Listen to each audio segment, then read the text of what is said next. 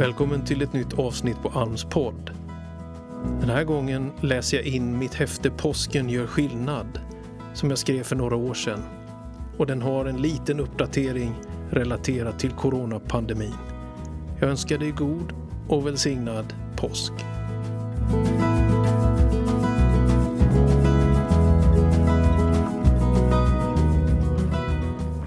Påsken gör skillnad, visa på nytt liv och nya möjligheter. Den kristna påsken handlar om när Jesus led, dog på ett kors och uppstod igen från de döda. Vad är det med påsken som gör skillnad för människors liv idag? Varför är det massor av människor som varje år vid påsktid påminner sig om vad Jesus en gång utstod av lidande och död?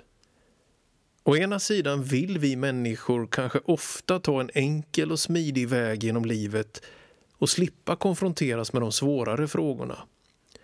Frågor om livets mening och dödens ofrånkomliga verklighet rör upp våra tankar men kanske inte alltid finner dessa en förankring i något som ger tillförsikt. Många är de människor som genom livets erfarenheter fått inse det brutala det innebär när tillvaron plötsligt vänds i kaos och otillräcklighet. När jargongen blir tystad och vardagen upplevs hopplös och mörk då väcks hos människor kanske också en längtan av tillhörighet och identifikation. Att få höra om någon som varit med om det man själv just nu upplever. Påsken är det yttersta beviset på att det faktiskt finns en Gud som bryr sig. En Gud som inte lämnar människan ensam i sin ångest. Guds identifikation med oss är hundraprocentig. Bibeln berättar om hur Jesus levde ett liv på jorden som innehöll mycket av motgångar och prövningar men som också mynnade ut i en fantastisk seger. Påsken säger att det mörkaste mörker kan bli ljust. Det som verkar hopplöst kan vändas i förhoppningar som fullbordas. Påsken visar att döden inte behöver ha sista ordet. Gud har sista ordet. Något som tilltalar mig enormt mycket i Jesu personlighet är just detta att han är så väldigt uthållig. Få, men ens någon av oss vanliga människor skulle väl utstå sådana påhopp som Jesus faktiskt fick vara med om, särskilt under påskveckan. Om man till detta lägger hans fokusering på att detta görs just för dessa som agerar så hårt emot honom blir perspektivet ännu större. Bibeln beskriver att Jesus själv inte har någon grundskada, ingen belastning, ingen synd. Synd är det som skiljer människan från Gud och får henne att missa målet med hela sitt liv. Jesus hade ingen egen anledning till att utstå lidande och förakt. Men han utstår det just för deras skull som föraktade honom. Det får åtminstone mig att bli mycket intresserad av denna person. Det är inte så att han någon gång kompromissar med sanningen eller sviker sin övertygelse, tvärtom.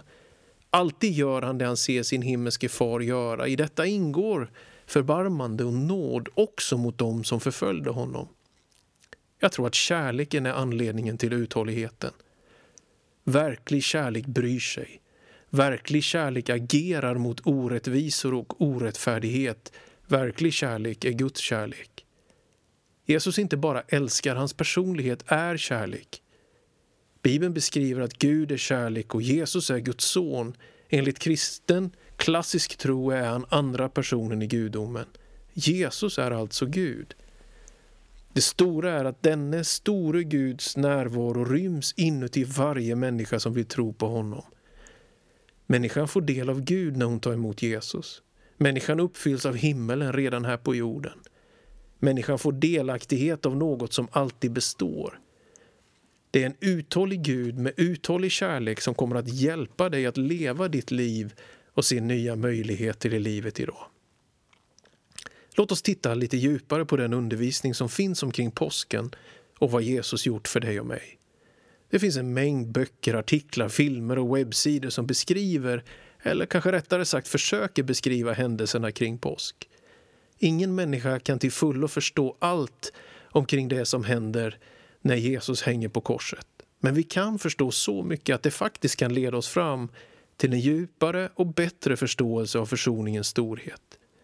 Ytterst sett handlar påsken om försoning, försoning mellan himmel och jord, Gud och människa. I Hebreerbrevet 7.26 läser vi att en sådan överstepräst var det vi också behövde. Jesus vår företrädare. I Gamla testamentet var prästen den som på ett särskilt sätt hade rätt att närma sig Gud. Levis stam var den av de tolv stammarna som utvaldes till prästerlig stam. Bland Levis stam var det Arons ättlingar som skulle vara verkliga präster. Alltså var det släktursprung som avgjorde möjligheten att bli präst. Som präst skulle man vara felfri till sin fysik och de avskildes till sin tjänst genom att smörjas med olja. Prästerna var ansvariga för gudstjänstlivet och offren de var medlare mellan Gud och människor. Vid offren representerar prästen folket inför Gud och vid välsignande och undervisning är han Guds representant inför folket. Översteprästen är den enda som har tillträde till templets allra heligaste. Prästen bär en särskild dräkt och den platta han bär på sin panna har orden helgad åt Herren inskriven. För vår skull. Hebreerbrevet är en bok i Nya testamentet som mest tydligt visar på Kristi prästtjänst. Med bilder och symbolik från översteprästens tjänst att bringa försoningsoffer för synder visas Jesu försoningsdöd och dess betydelse. Översteprästen fick gå in en gång om året i det allra heligaste på den stora försoningsdagen. Hebreerbrevets författare visar att Kristus nu fullkomnat den översteprästerliga tjänsten. I sammandrag kan man beskriva undervisningen om Jesus i Hebreerbrevet så här. Det offer Kristus frambär är inte något annat än sig själv. Och det är ett fullkomligt offer, därför behövs inga fler offer. Jesus är Guds evige son. Han blev del av kött och blod för att bli vår överste präst. Jesus blev ett med oss och kan i allt ha medlidande med våra svagheter, dock utan synd. Hans tjänst är för människor inför Gud i himmelen. Kristus går rakt igenom en rämnad förlåt rakt fram till Guds tron och öppnar så en ny och levande väg. Därför kan också vi med frimodighet gå fram till nådens tron. Genom Jesus, vår präst, har vi förlåtelse, rening från synd och det största, fri och öppen tillgång till Gud.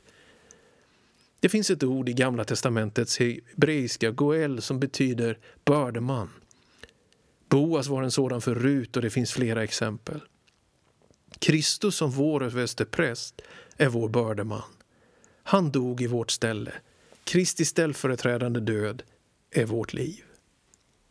Det berättas om två män som var ute på en amerikansk prärie och vandrade när de plötsligt får se en fruktad syn i horisonten. En präriebrand kommer emot dem med en stormvinds hastighet. En av männen har sinnesnärvaro nog att inse att de aldrig skulle hinna fly undan elden. Därför tar han ett märkligt initiativ.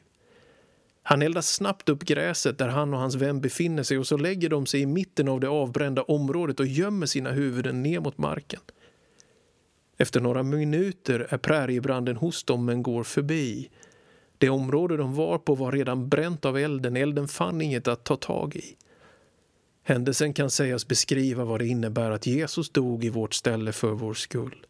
Han tog på sig något som vi annars hade tvingats bära. Våra smärtor tog han på sig, läser vi i Jesaja 53 och 4.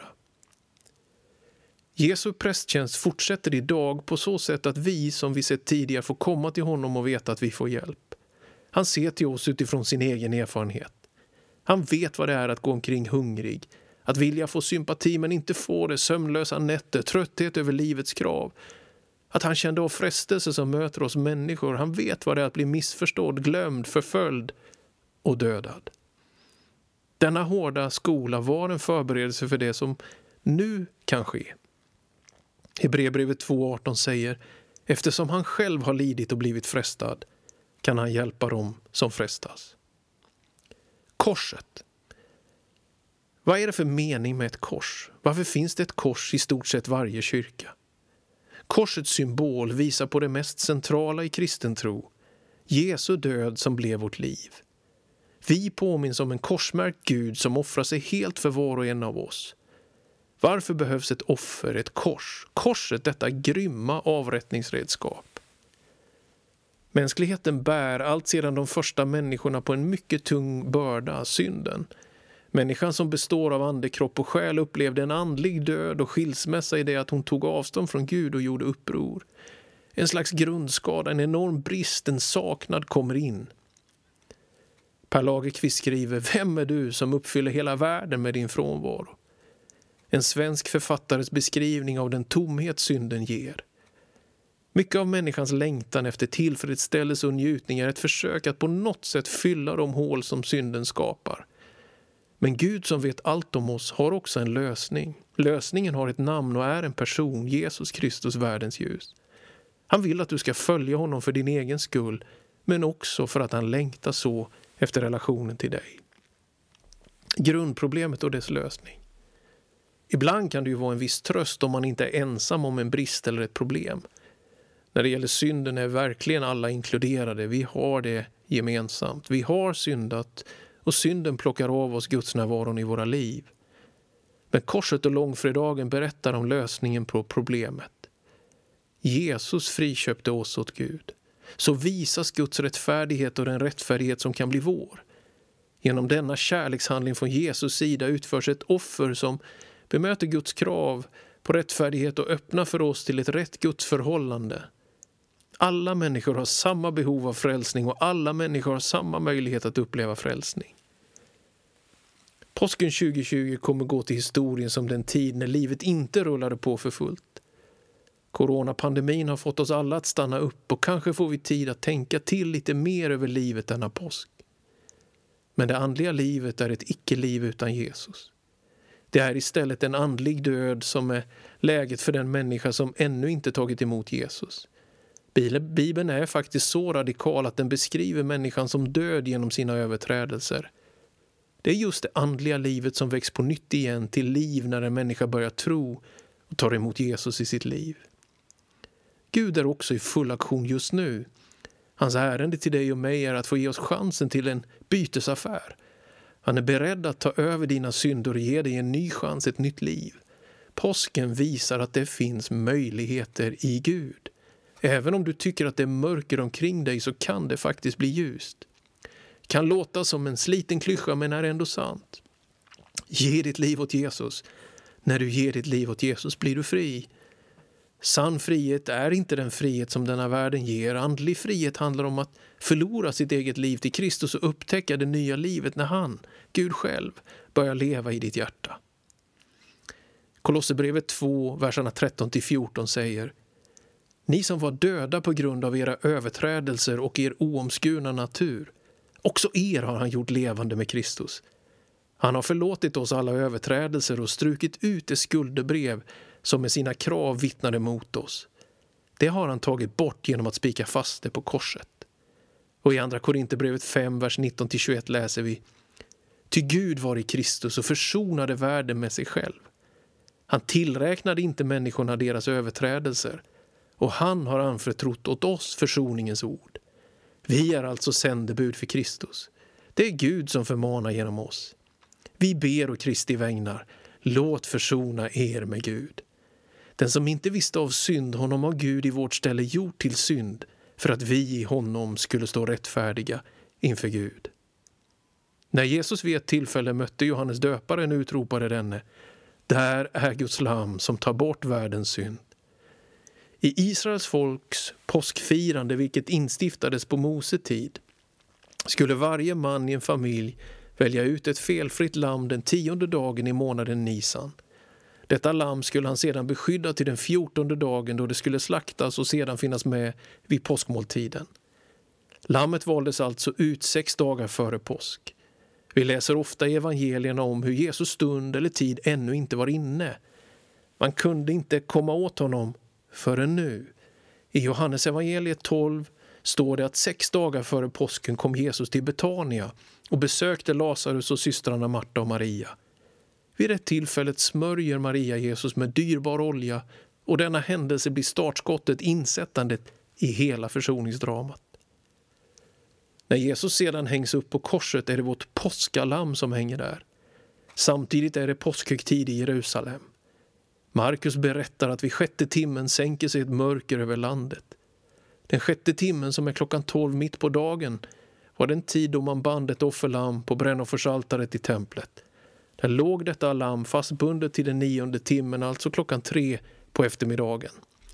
Samtidigt stod alla män ute på tempelplatsen med sina lamm hängande på käppar över axlarna. Vid nionde timmen går så överste prästen upp på altaret, tar offerlammets huvud i sin hand, lyfter det och säger det är fullbordat och han snittar lammet som dör.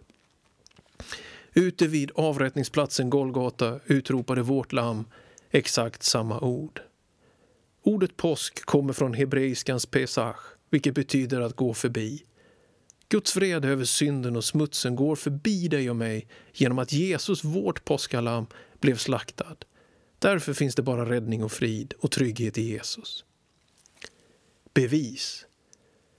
Romarbrevet 5.8 säger men Gud bevisar sin kärlek till oss genom att Kristus dog i vårt ställe medan vi ännu var syndare. Vad mer bevis behöver du? Guds kärlek till dig visas inte i vilken bil du kör, vilka skor du går i eller vilka vänner du har. Beviset på att Gud älskar dig är att Jesus gick in i ditt ställe. Därför är vi friköpta, försonade, befriade, vunna åt Gud, rättfärdiggjorda, renade, nära Gud, segrande och tillfredsställda. Allt är färdigt. Allt är redo. Verket är fullbordat. Hela Guds kärlekshjärta är öppet på Golgata. Hebreerbrevet 12 och 24 berättar om att blodet från Jesus faktiskt talar starkt idag. Det talar. Vad är ditt gensvar? Byt dina bojor mot hans frihet. Tacka honom för frälsning och nytt liv. Han kan bära dig. Det gick en man på Jerusalems smala gator. En man som gick via Dolorosa, smärtornas väg. En väg kantad av människor vilka betraktar en man bärande sitt eget kors. Den mannen är vår tros verkliga föremål. Den troende ser idag mer än en stapplande, blödande, dömd person. Den troende ser kungars kung. Den av Gud utvalde sonen går vägen från Pilatus domsplats till platsen för korset Golgata. Trons innersta väsen rymmer ett djupt mysterium.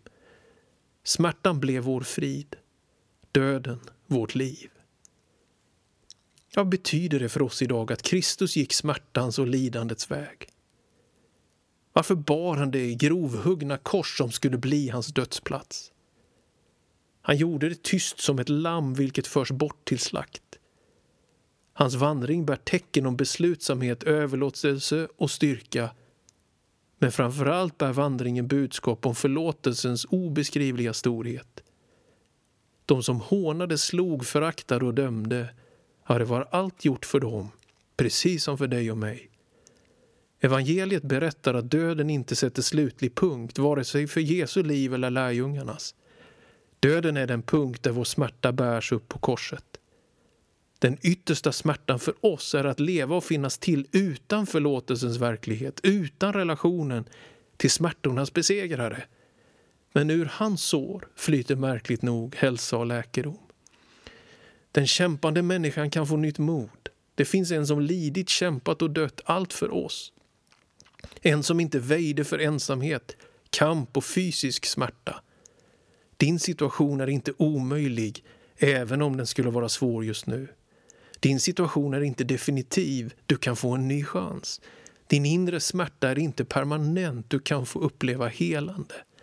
En smärtornas man, en segrare i allt. Ge inte upp. Ge din smärta, ge ditt liv, ge det till honom. Om du just nu upplever ditt livs via Dolorosa vill jag påminna dig om att det finns en som gått där förut. En som nu vill gå med dig som inte bara vill gå vid din sida utan också bära dig hela vägen genom ditt liv. Liv i överflöd. Paulus skriver i Första Korinthierbrevet 15, vers 3-4. Jag meddelade er det allra viktigaste, vad jag själv hade tagit emot, att Kristus dog för våra synder enligt skrifterna, att han blev begravd, att han uppstod på tredje dagen enligt skrifterna. Något av det allra viktigaste i trons innehåll är just detta med livet. Jesus uppstod, han lever och är därför huvudanledningen till livsglädje och framtidstro. Det har alltid funnits delade meningar omkring detta med Jesu uppståndelse. Kan det verkligen vara sant, undrar människor. Det finns många händelser som för mig lyfter fram sannolikheten i att uppståndelsen verkligen ägt rum. Jag vill lyfta fram i detta sammanhang hur det faktiskt är så att de första lärjungarna är starka bevis på Jesu uppståndelse. Av de tolv lärjungarna är det endast Johannes som dör en naturlig åldersdöd. Vad man vet dör övriga martyrdöden, ger sina liv för sin tro på Jesus. När pingstdagen inträffar 50 dagar efter påsken sätts den första församlingen i en enorm rörelse och evangeliet fullkomligt exploderar i tillväxt ut över den då kända världen. Skulle dessa människor ge sina liv för en fejk, för en lögn? Varför återkommer uppståndelsen i varje predikan som finns återgiven i boken Apostlagärningarna och som beskriver händelserna i den första församlingen om det inte vore för att de verkligen hade mött den levande uppståndne Jesus? Personligen är jag mycket övertygad om uppståndelsens verklighet. Jesus lever idag. Där hittar jag anledningen till att tydligt uppmana dig att inte slösa bort ditt liv på dåliga kopior utan istället låta uppståndelsens kraft bli till ditt livs energi. Då får du uppleva livet i original så som Gud tänkte. Jesus är grunden för ett evigt liv. Han är också källan till ett liv här och nu som kan levas vidare också genom tuffa tider. Jesus vill vara din bror, din vän, ditt allt. Påsken är en tid på året då vi påminns om kampen, lidandet men också uppståndelsen och segern. Det är en ypperlig tid att söka kristen gemenskap, att lyssna till evangeliet i våra kyrkor men framför allt att låta Jesu liv bli din livsväg. I Johannes evangeliet 10 och 10 säger Jesus Jag har kommit för att de ska ha liv, ja, liv i överflöd.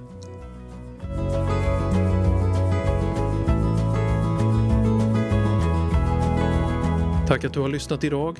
Gud välsigne dig.